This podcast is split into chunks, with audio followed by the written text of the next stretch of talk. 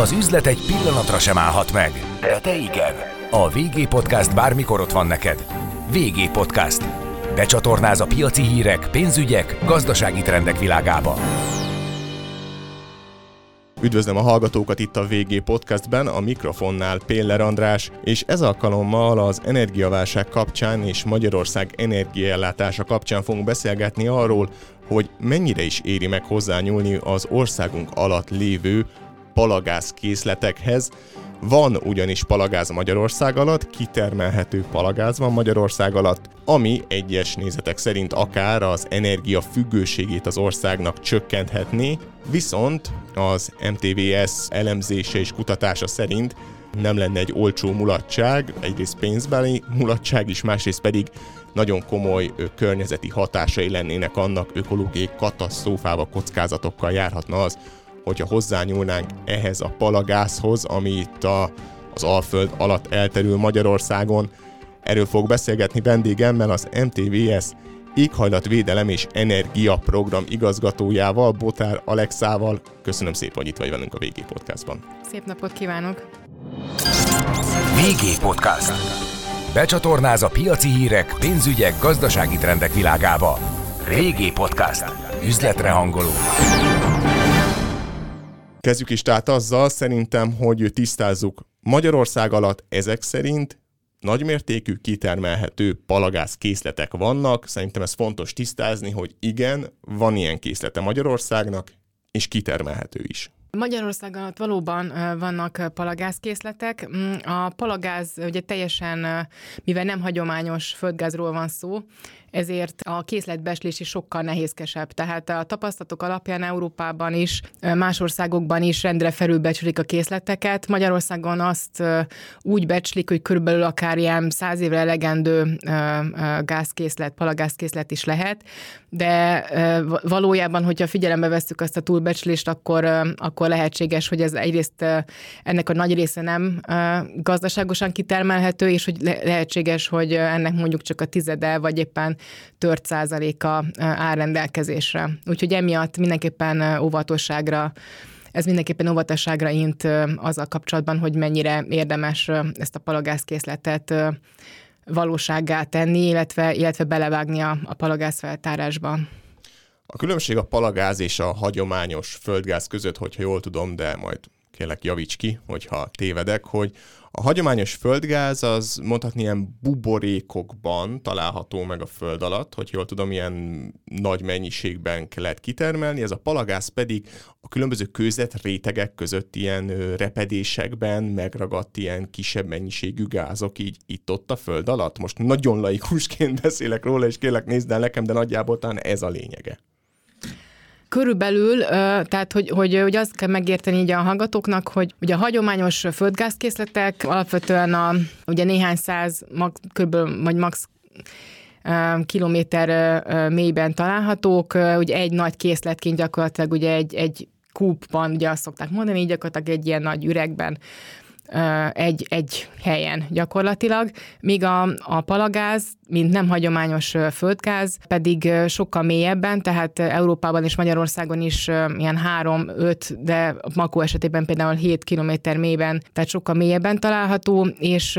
és sokkal diffúzabban, tehát gyakorlatilag a, a kőzetnek a, a buborékaiban, tehát nem is a rétegek között, hanem magában a kőzetben gyakorlatilag, mint egy ilyen zárvány, eh, milliónyi, milliárdnyi gyakorlatilag gázzárványként ö, ö, található, és ugye ezt kell valahogy ugye a felszín hozni. És ugye ez, ez emiatt ugye sokkal drasztikusabb a, a palagáz kitermelés technológia, mint a hagyományos ö, földgázi. Tehát ezért van szükség arra, hogy gyakorlatilag a azon a, a nagy nyomáson, tehát itt Magyarországon itt a Békés Makó esetében is 200 fok fölötti hőmérsékletről beszélünk, ugye 3-4-5 kilométer mélységekről, óriási extra nyomásról, tehát, hogy e- ezekből a, a ilyen körülmények között kell gyakorlatilag felhozni ezt a, ezt a palagázt, a, amit ugye úgy tudnak csak megtenni, hogy, hogy, és ez a drasztikus technológia lényege, hogy ugye gyakorlatilag lefúrnak a több irányból ebbe a több kilométer mély kőzetrétegbe, ahol a, ahol a palagáz bezárva található, az elejét és a végét kibetonozzák ennek a járatnak gyakorlatilag, és beinjektálnak repesztő folyadékot, amiben víz, illetve ilyen szemcsés anyag, homok, de ugyanígy vegyi anyagok is találhatók, aldehidek és egyéb sajnos rákeltő anyagok is többek között,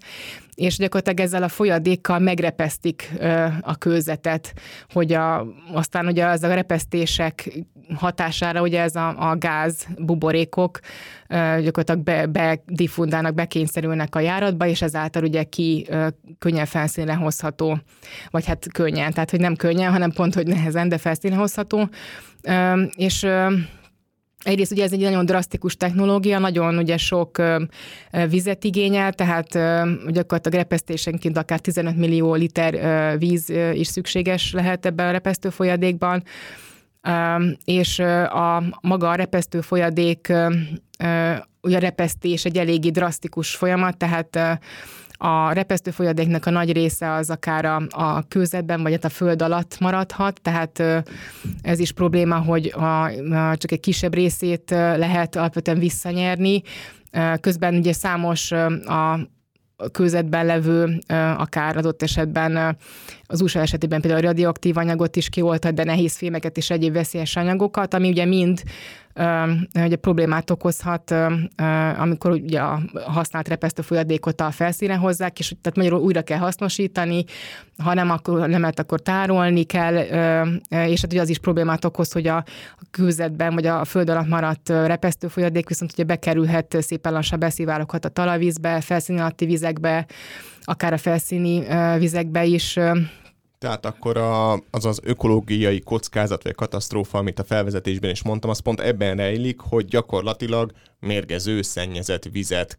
viszünk be a föld alá, és akkor utána azt hát vagy kinyerjük, vagy nem nyerjük ki, valamit kezdeni kell vele. Gondolom, hogyha tényleg ennyi ö, vegyi anyag, rákeltő anyagok vannak benne, akkor ezt a nagy mennyiségű vizet megtisztítani sem annyira egyszerű, hogy akkor azt mondjuk, hogy jó, akkor úgymond megtisztítjuk, és akkor mehet vissza a körforgásba. Igen, tehát ennek nagyon ugye, szigorú követelményei lennének, hogy, hogy, milyen módon kell a repesztőfolyadékot kezelni, tisztítani, adott esetben a, a, a többször hasznosított repesztőfolyadékot tárolni, amit már nem lehet adott esetben már annyira szennyezett mondjuk repesztésre használni. És ugye itt is ez a kihívás, hogy az USA-ban is, illetve meglevő technológia is alapvetően a békés, illetve makói palagászhoz képest sokkal puhább közetre és sekélyben levő kőzetre lehet kifejlesztve. Tehát, hogy ilyen szempontból is ugye kockázat, hogy, hogy az a kvázi importált tulajdonképpen USA technológia, fracking technológia, azt mennyire lehet itt alkalmazni ilyen extrém nyomáson, körülmények, stb. között. Tehát ez is ugye így növeli a kockázatát annak, hogy a, hát az repesztő folyadék ez egyszerűen nem, tehát hogy nem lehetséges gyakorlatilag teljes biztonsággal gyakorlatilag azt biztosítani, hogy, hogy hogy nem kerül be, nem, nem okoz szennyezés, tehát a vízszennyezés és a, a víz igény az, az mindenképpen fennáll. Tehát a, és itt, itt jön a probléma, ugye, hogy, ami a környezetileg leginkább nagyobb kockázat, hogy nem csak a vízszennyezés, hanem hogy egy olyan ugye, régióban, mint az Alföld, Délalföld, ahol, ami eleve vízhiányos, Ugye egyre csökken a talajvízszint, a klímaváltozás miatt egyre intenzívebbek az aszályok, hogy még erre gyakorlatilag most rátesz egy, rátenne egy lapáttal a, a palagáz kitermelés, és gyakorlatilag ugye így a, a gyakorlatilag víz, ugye egyrészt vizet venne ki, ugye ez a 15 millió liter gyakorlatilag repesztésenként, és, és ugye a vízszennyezés, tehát az, hogy gyakorlatilag ezeket, ez ugye az édesvíz kázi ugye lenne szükség erre, tehát hogy ezt a, a vízszennyezés és a víz, víz igényesség kombinációja, ez, ez emiatt a, az alföldi vizekre ugye jelentős környezeti kockázatot hordoz. Egyébként ugye ezt elemezték is annó Makó esetében, és ott is ezt hozta ki a környezeti hatásvizsgálat, a, a, hogy gyakorlatilag a, a, tehát a, a vízszennyezés és a víz felszíni és felszínalatti vizeknek a, a, a szennyeződésének és, és igénybevételének a, a kockázata az, az a legjelentősebb, tehát magas kockázatú. Ugye itt a, a békés esetében még nem nincs hírünk arról, hogy megtörtént-e ugye az alapos környezeti hatásvizsgálat, de azt gondoljuk, hogy, tehát, hogy, hogy a, ha ugye kellően alapos, akkor, akkor, akkor ezt is tartalmaznia kell, hogy akkor a vizekre milyen hatással lenne a, a palagáz kitermelés, és várhatóan itt is igen magas kockázatú. Amit most elmondtunk, és amit elmondtál, ami elhangzott, az gyakorlatilag annyira ijesztőnek hat így az átlag ember fülének, hogy én azt mondanám, hogy eszünk ágában ne legyen hozzányúlni a palagázhoz, hát ez nagyon káros, ez elpusztítja a környezetet. E viszont azt látjuk, az Egyesült Államokban gyakorlatilag csak ezt csinálják, hozzák fel a palagázt. Ott ennyire nem érdekli az amerikaiakat a környezetvédelem, vagy miért van az, hogy mint Magyarországon, Európában ez egy nagy kérdés, hogy hozzányúljunk-e, addig az Egyesült Államokban gond nélkül hozzák fel, és repesztik, és hozzák fel a palagázt. Az USA-ban egyrészt ugye sokkal sekélyebben található a palagáz, tehát tényleg akár ilyen néhány száz méter mélyen, de maximum kb. egy kilométer mélyen található, tehát maga a technológia, a fracking technológia, ugye a rétegrepesztéses technológia ott nagyon jó bevált, tehát hogy ott arra optimalizált, és a készletek is nagyobbak, és sokkal könnyebben, kevésbé drasztikusan hozhatók fel. Nyilván az is benne van, hogy azért az amerikai környezetvédelmi szabályozás azért kicsit enyhébb, mint a, az európai, de hogy alapvetően ott ott, ott, ott gazdaságilag jobban megéri. Tehát viszont Európában, ugye Magyarországon ugye az említett okok miatt viszont gazdaságilag sem éri meg. Ugye nem véletlen, vagy legalábbis jelenleg, tehát az látszik, hogy, hogy ugye annó, amikor kb. tíz éve napirendre került Európában, több országban, Magyarországon is ugye a makói árok kapcsán, a palagáza kapcsán a kérdés, akkor Ugye több országban végeztek feltárásokat, de hogy gyakorlatilag alapvetően egyik se hozta be a, a, a, a váltotta be a reményeket, ugye gazdaságilag akkor az alacsony ugye gázár miatt egyáltalán, tehát hogy felhagytak vele, és a környezeti okok miatt, sőt, ugye az Egyesült Királyságban ugye ez a repesztés mikroföldrengéseket is okozott, tehát hogy emi, ezek miatt a környezeti kockázatok és, és gazdasági nem megfelelőség miatt végül Németországban, Franciaországban, Hollandiában, sőt Bulgáriában is gyakorlatilag repesztéses moratóriumot, tehát nem, nem lehet palagázt kitermelni. És nyilván most, hogy a, a gyakorlatilag a, a ugye itt a, a gáz árválság, illetve a gázárak növekedése kapcsán újra napirendre került a palagász kérdése. Ugye több ország hasonlóan Magyarországhoz megvizsgálta a kérdést, de egyelőre azt látjuk még, hogy nem indult be. Tehát, hogy azért a többi országban még hasonlóan óvatosak, nem indítottak még be projektet, még érvényben vannak a, a moratóriumok, tehát a repesztéses moratórium. Úgyhogy alapvetően ugye itt a, a békési projekt kapcsán is az lenne a fontos, hogy hogy ugye tájékoztassák itt a, a nyilvánosságot, illetve a helyi lakosságot, hogy, hogy hogyan áll a, a folyamat. És ugye amiatt is ugye ez kicsit ugye aggasztóbb Magyarországon, hogy itt már gyakorlatilag ugye egy projekt, ez a Corvinus projekt már elindításra került, ugye mi egy öt éves projekt, és ugye pontosan ez a békési sarkad keresztúr környéki ugye palagáz homogáz kitermel, vagy feltárására és kitermelésére szervezett. Tehát már úgymond van egyfajta elköteleződés, vagy szándék így a, a kormányzat részéről, a minisztérium részéről, hogy, hogy ugye ez, ez foly, folytatódjon. Viszont tehát ugye a, a, most májusban megtörténtek a, a próbafúrások, ugye az akkori gázárak, ugye az a háromszorosa volt az ipari, vagy a, a piaci gázár, mint a mostani, akkor ugye azt látták, hogy, hogy, hogy olyan hírek jöttek, hogy hát perspektívikusnak találták, de azóta nem jöttek ugye újabb hírek, és ugye az eredeti terv az az volt, hogy 2023. januárjában, hogyha minden jól megy, akkor adott esetben már a kitermelés is megindulhat.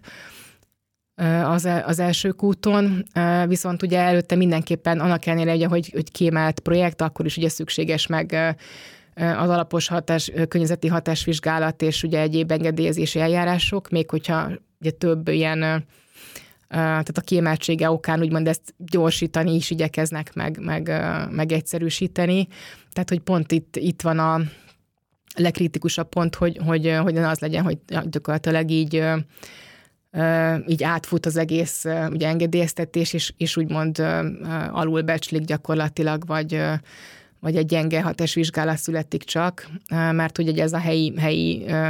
helyben élők életére nagyon problémás lehet. Tehát ugye mi azt mondjuk, hogy, hogy egyrészt hogy tájékoztatni kellene a lakosságot, és, és hogy, hogy mindenképpen legyen arról tájékoztatás, hogy, hogy akkor hogyan áll ez a hatásvizsgálat, szülessenek meg a szükséges geológiai, környezeti, társadalmi hatásvizsgálatok, és az alapján, hogyha azok ö, ö, eredménye alapján ö, adott esetben akkor merje a minisztérium azt mondani, mondjuk, hogy akkor igen, ezek túl nagy kockázatok, és akkor mondjuk nem, nem folytatjuk a projektet, vagy tehát azt mondjuk, hogy akkor feltártuk, de hogy a jelenlegi körülmények között mondjuk nem gazdaságosan és környezeti társadalmi károk nélkül nem, nem felszínhozott, és akkor leállítják. De, de ugye tehát nincs, ugye nincs hírünk arról, hogy, hogy, hogy akkor mi a folyamat. Itt ugye itt a gazdasági szempontokat ugye is hangsúlyoznám, mert Ugye egy dolog a környezeti, tehát amit sajnos hogy azért a környezeti szempontokat, vagy társadalmi szempontokat sokszor ugye ilyen kiemelt projekteknél lesöprik, és ugye ezért is ugye tartjuk aggasztónak, hogy a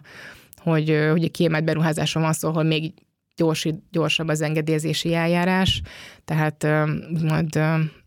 ezt még inkább így háttérbe lehet ezeket a szempontokat sorolni. De ha azt nézzük, hogy, hogy a, a helyi lakosságra milyen hatással van, akkor ugye nagyon ott is vegyes képet kapunk. Tehát a, ugye pont emiatt, mert ugye drasztikus technológiáról van szó, és itt is ugye alapvetően az MVM egy leánvállalata, a MVM Synergy, egy amerikai céggel, vegyes vállalatban végzi ezt a beruházást. Tehát itt is azt látjuk, hogy, hogy ugye nyilván maga a technológia, a szakembereket is ez a, a, az amerikai cég hozza, tehát, hogy helyben, hogy ami, amiben a helyiek reménykednek, hogy majd akkor a helyi gazdaságot felpörgeti, azt látjuk, hogy valójában erre nem, nem, nem alkalmas, tehát nem lesz alkalmas. Ugye azt, tehát, hogy ezek, ugye ez azért is érdekes, mert hogy ugye a, a, tehát a palagászkutak a palogáz elhelyezkedése miatt, ugye ráadásul annyiban is ugye más a hagyományoshoz képest, hogy ezek a kutak gyakorlatilag néhány év alatt, két-három év alatt kimerülnek. De hogyha azt mondtuk az előbb, vagy hát azt mondtad még az előbb, hogy becslések szerint nagyjából száz évre elég palagáz lehet Magyarország alatt. Néhány év alatt kimerül azért egy sokkal, nagy, sokkal másabb helyzet, tehát akkor ez a palagáz, ez igazából nem is annyira gazdaságos ilyen szempontból, tehát nagymértékű befektetés, kút kiépítés, rengeteg pénz ráfordítás, és lehet, hogy mondjuk teszem azt tíz év múlva, meg már egy csepp sem onnan. Hát sőt, igen, tehát hogy a, a kutaknál alapvetően, tehát a palagász kutak egyrészt uh, alacsony a kitermelési hatékonyság, tehát ilyen 20% alatti, vagy körüli, és valóban, tehát két-három év alatt kimerül egy-egy kút. Tehát gyakorlatilag ezt kicsit ilyen rablógazdálkodás módon termelik ki az USA-ban is, ugye, hogy gyakorlatilag ugye ilyen sajtreszelő jellege, hogy ugye fúrnak egy kutat, kitermelik, két-három évig működik, utána mennek tovább, fúrnak egy újabb kutat, stb. Tehát, hogy emiatt sem alkalmas arra, hogy a helyi gazdaságot igazából felpörgesse, mert hogy valóban, tehát hogy mondjuk így lehet, hogy mondjuk sofőrökre, vagy éjjeli őrökre, vagy hasonló munkákat tud biztosítani helyben, de hogy ugye a szakembereket azt, azt a, a, a cégnek kell hoznia, és valóban az adott kút az tényleg csak két-három évig tud működni, utána, utána kimerül, és akkor át kell költözni egy következőhöz. Ugye ezek eléggé uh, sűrű lehetnek az ilyen kutak, tehát hogy akár négyzetkilométerenként több is, tehát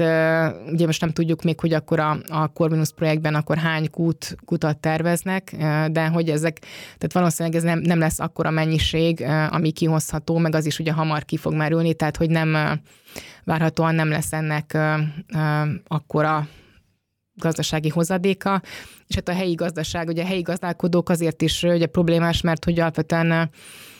Uh, ugye mezőgazdaságból, állattenyésztésből élnek a környéken. És ugye pont, tehát, hogy, hogy a, ugye a vízszennyezés, illetve a víz, a vizeknek a, tehát a vízhiány növeli fokozása a palagáz kitermelés miatt, az pont az ő megélhetésüket, addigi megélhetésüket tenni hosszú távon kockára, miközben ugye adott esetben tényleg csak ilyen kevés, rövid átmeneti munkát biztosítana ez a palagáz kitermelés. Tehát ugye az látszik, hogy lehet, hogy a adott esetben a cégnek, ugye, vagy ennek a vegyes vállalatnak esetleg megéri a, a gazdaságilag a projekt, ha, ha a gázár kellően magas lenne megint, ugye most megint éppen elég alacsony,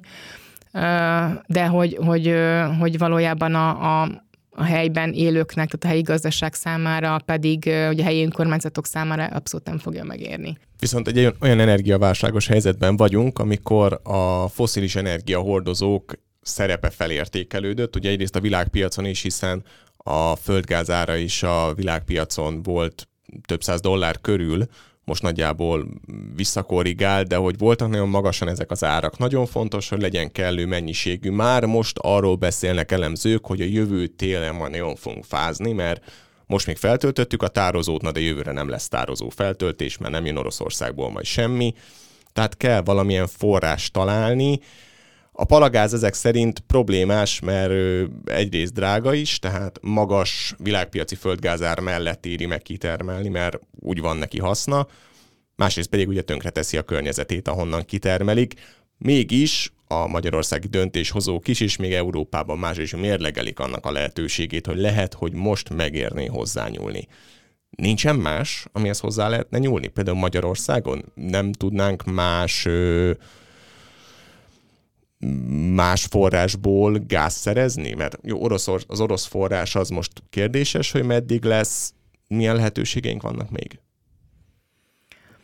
Igen, ez, ez is egy egyik fontos üzenetünk, hogy, tehát, hogy a palagáz kitermelést nem kellene megkezdeni Magyarországon, mert hogy ugye vannak olyan hagyományos földgáz kutak, földgáz készletek, amiket lehetne bővíteni,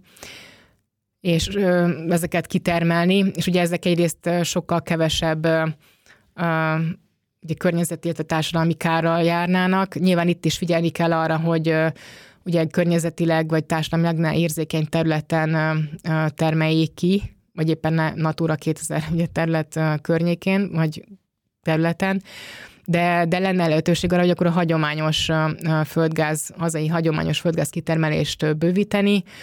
Egyébként ugye az energiaminiszter annó Ugye ezt is említette október elején, hogy alapvetően ugye új mezők nyitása nélkül lehetne ugye a mostani hazai olyan másfél milliárd köbméter per éves kitermelést két milliárdra növelni. Ugye ez van benne, hogy a, a Nemzeti Energia Veszélyhelyzeti Akcióterben is, hogy egy két milliárd köbméterre emeljék. Hát kérdés persze, hogy akkor most ez a békési palagáz készlet, ez most új mezőnek számít-e vagy nem, mert ugye már a feltárás megkezdődött, de még ugye nem kezdődött meg a, a kitermelése, illetve hát még nincs, nem indult el hivatalosan a, a, ez a folyamat. Tehát, de hogy ebből, az, ebből arra következtetünk, hogy azért így a, ezen kívül, tehát hogy azért gond, tervezik esetleg a, a, a hagyományos, hazai hagyományos földgáz kitermelésnek a bővítését, ami azt gondoljuk, hogy azért egy sokkal racionálisabb döntés lenne. Tehát, hogy, hogy meg lenne a lehetőség, hogy, hogy, és ugye itt is persze fontos, hogy ez tényleg csak átmeneti legyen, tehát csak rövid távon, mert hogy ugye a célunk az, az lenne, ugye ami, ami valóban ugye a, a hazai nemzetgazdasági cél is, meg egyetlen Európában is, hogy a, hogy a teljes ugye, hazai foszilis energia felhasználást fokozatosan lehessen csökkenteni. Tehát a foszilis függőséget mindenképpen csökkenteni kell. Ugye ne az legyen, hogy akkor a gázfüggőségünket kitoljuk még további évtizedekre. Nyilván így ahhoz, hogy úgymond most az a, a gázárválság kapcsán és az energiaválság kapcsán ugye fontos, hogy akkor így ez a néhány telet, úgymond az átmeneti időszakban akkor tudjuk, tehát hogy diversifikálni így a gázbeszerzési forrásainkat, illetve a hazai kitermelés növelésével akkor ezt kompenzálni, de, de, de fontos, hogy, hogy, hogy ugyanakkor folytatódjon az energiaválságnak a valódi megoldása, az energiátmenetnek a felgyorsítása, tehát az, hogy a, a gázfelhasználásunkat fokozatosan csökkentsük. És ugye ezért, ugye azt, ha megnézzük, hogy a, a ugye például most ugye Magyarországon egy év alatt egy évben kb. 11 milliárd köbméternyi gázt használunk. Ugye ennek a több mint 80%-át most Oroszországban importáljuk, tehát ugye nagyon importfüggőek vagyunk, és ugye ahhoz, hogy, hogy azt a valóban a, a ugye minél inkább tudjunk függetlenedni a gáztól, Ugye az energiastratégiában is benne van, hogy, hogy ezt például két milliárd köbméternyi gázt meg lehetne spórolni, hogyha fellennének energetikailag újítva a lakóépületek. És ugye ez gyakorlatilag akkor ez már gyakorlatilag az importot ugye negyedével csökkenthetni, tehát mindenképpen ilyen irányba ilyen intézkedéseket kellene sürgősen ugye hozni, hogy a a lakóépületek energetikai felújítását támogassák, hogy, hogy, hogy ez, ez, ez lenne a tartós megoldás arra, hogy akkor tényleg a gázfüggőségünket csökkentsük. Tehát akkor arról lenne szó, hogy az a pénz, amiből palagázt akarnánk felhozni Békés megyében, abból a pénzből lehetséges, hogy inkább a lakóépületeket kellene leszigetelni? Hát lehetséges, hogy persze ez nem ennyire ilyen csereszabatos ez az, az összeg, de mindenképpen, tehát hogy az biztos, hogy a, a a, tehát sokkal a költséghatékony megoldás az az, hogy, hogy, hogyha, hogy mindenképpen egyrészt nyilván uniós pénz, másik az, hogy az uniós pénzt is alapvetően ugye erre tudnánk fordítani, tehát ugye a palagáz kitermeléshez nem fogunk tudni adott esetben nyilván uniós pénzt igényelni, viszont az unió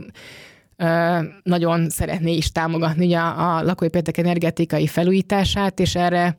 akkor tudnánk igényelni uniós forrásokat, és valóban, tehát hogy az biztos, hogy, hogy sokkal jobban megérné költséghatékony jobb lenne, hogyha ezeket a forrásokat, vagy az erre szánt forrásokat inkább becsatornáznák a, egy, egy ilyen lakóépület energetikai felújítási programba. Például egy panelprogram is újraindulhatna. Így van, egy panelprogram is, bár ugye a panelek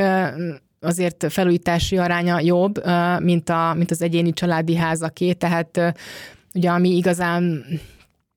fontos lenne, hogy, hogy, hogy a, a valóban a kis társasházak és a,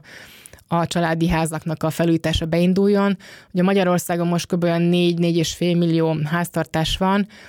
kb. olyan 2,6 millió az a mm, lakás vagy ház, háztartás, ahol a, amelynek az energia mérlege nagyon rossz. Tehát ez amikor a címkébe gyakorlatilag ugye ez az F alatti IE kategóriás, borzasztó rossz, tehát gyakorlatilag az utcát fűtik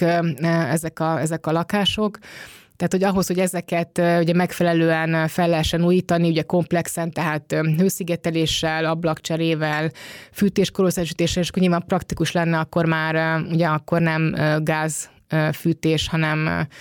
esetben megújuló fűtést, energiatakarékos fűtést reváltani, vagy segíteni ezeknek a háztartásnak, hogy váltsanak. Tehát, hogyha ezek, ezek megtörténnek, akkor, akkor ugye még több, többet is, mint két milliárd köbméter gáz lehetne megsporolni, mert hogy ugye akkor ezek valóban egy ilyen Egyébként ez, ez fontos is lenne, tehát hogy, hogy, hogy ezt a 2,6 millió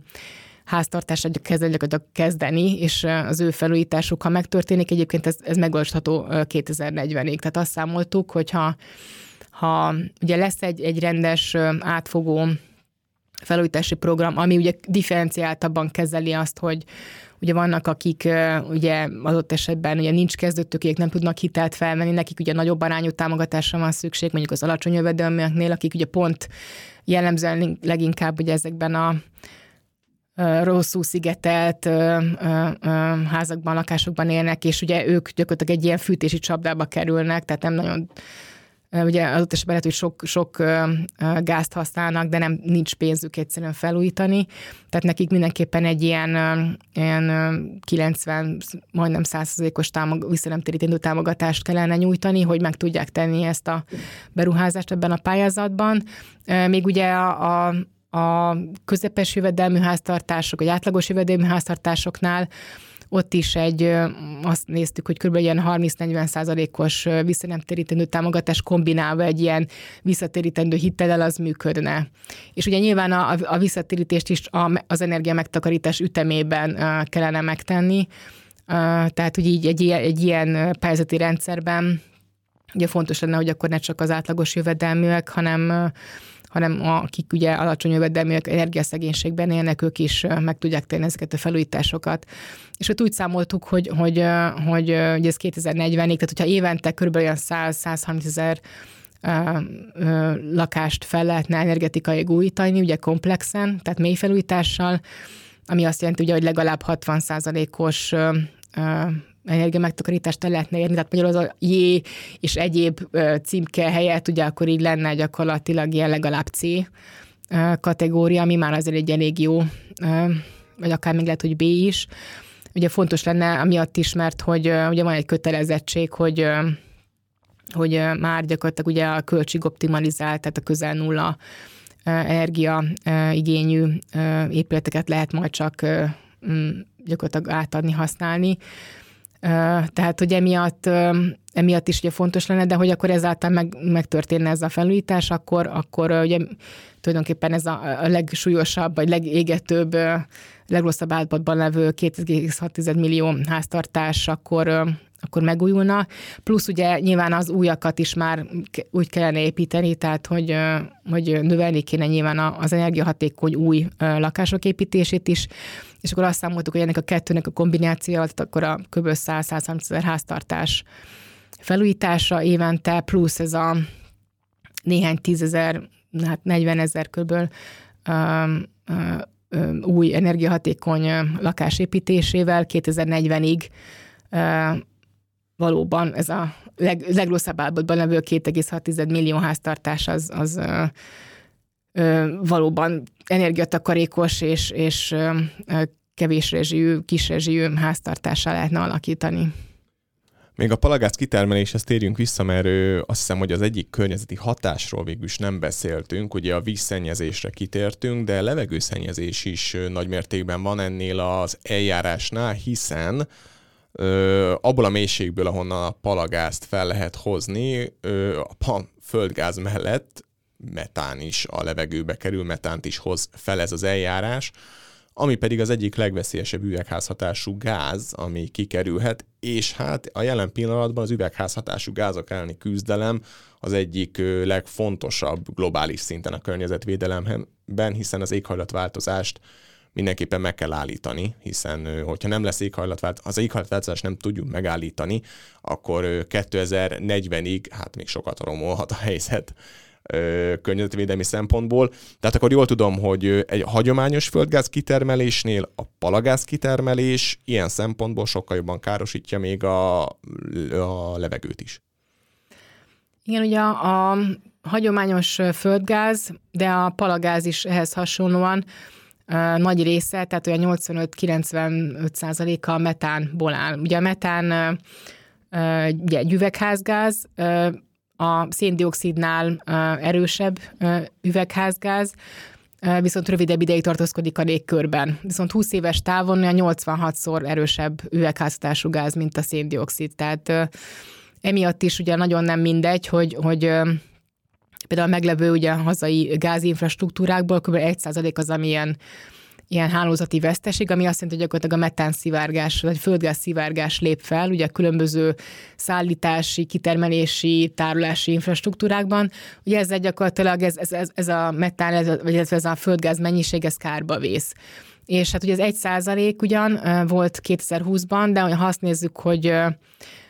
ugye akkor a 11 milliárd köbméterhez képest ugye ez, ez jelentős, tehát olyan ugye 100-110 millió köbmétert jelent, ami gyakorlatilag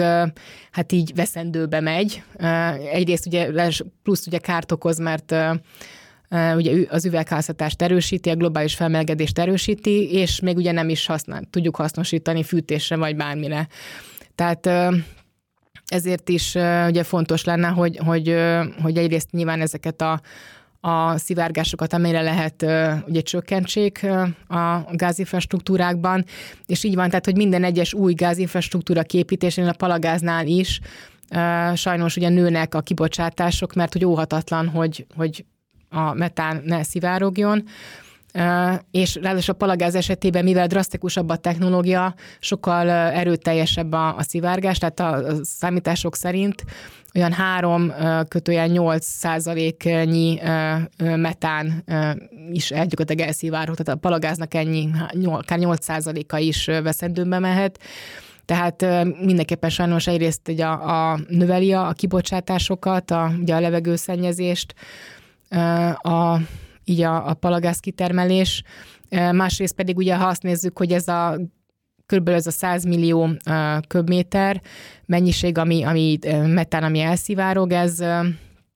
ez kb. most egy, egy ilyen novemberi mondjuk heti gázmennyiségnek felel meg, tehát hogy ennyi, amennyi úgymond veszendőbe megy. És ugye ráadásul a Nemzetközi Energiaügynökség számításai szerint ugye ezeket a a lejelentett adatok, ugye különböző szivárgási, kibocsátási adatokat sokszor esetben alábecslik a, a, a cégek, illetve az államok, tehát tehát a, ennek akár 70 kával is magasabb lehet, tehát akkor adott esetben tényleg ez a 100 millió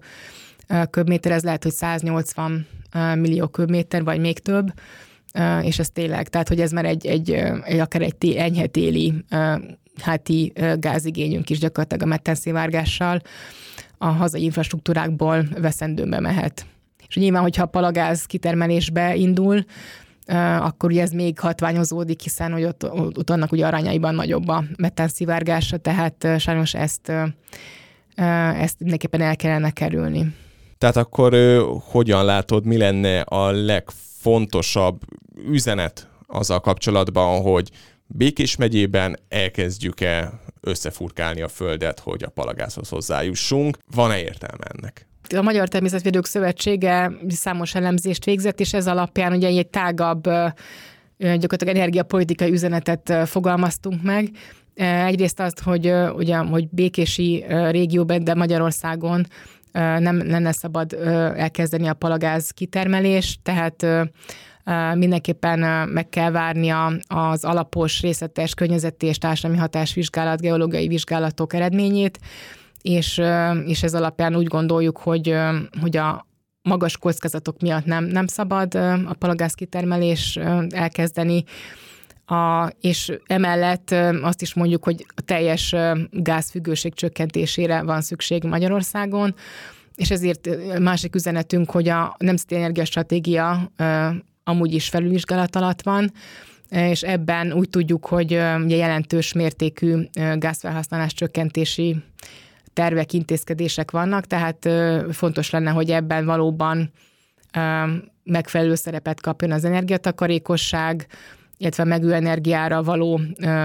átállásnak a felgyorsítása, és tehát, hogy bízunk benne, hogy az energiastratégia felülvizsgálata kapcsán valóban olyan intézkedések születnek, ami, ami valóban a teljes hazai gázfüggőséget csökkentik, és például a, ugye a kiemelten az energetikai lakóépület felújítási program mi hamarabb beindulhat. Tehát egy olyan átfogó program, hogy mondjuk tényleg 2040-ig azt a 2,6 millió, de akár több háztartást energetikailag felújítja, megújítja, és ezáltal biztosítja itt a, a valóban tiszta fűtési lehetőséget a, a lakosság számára. Üzletre hangolunk. Régi podcast.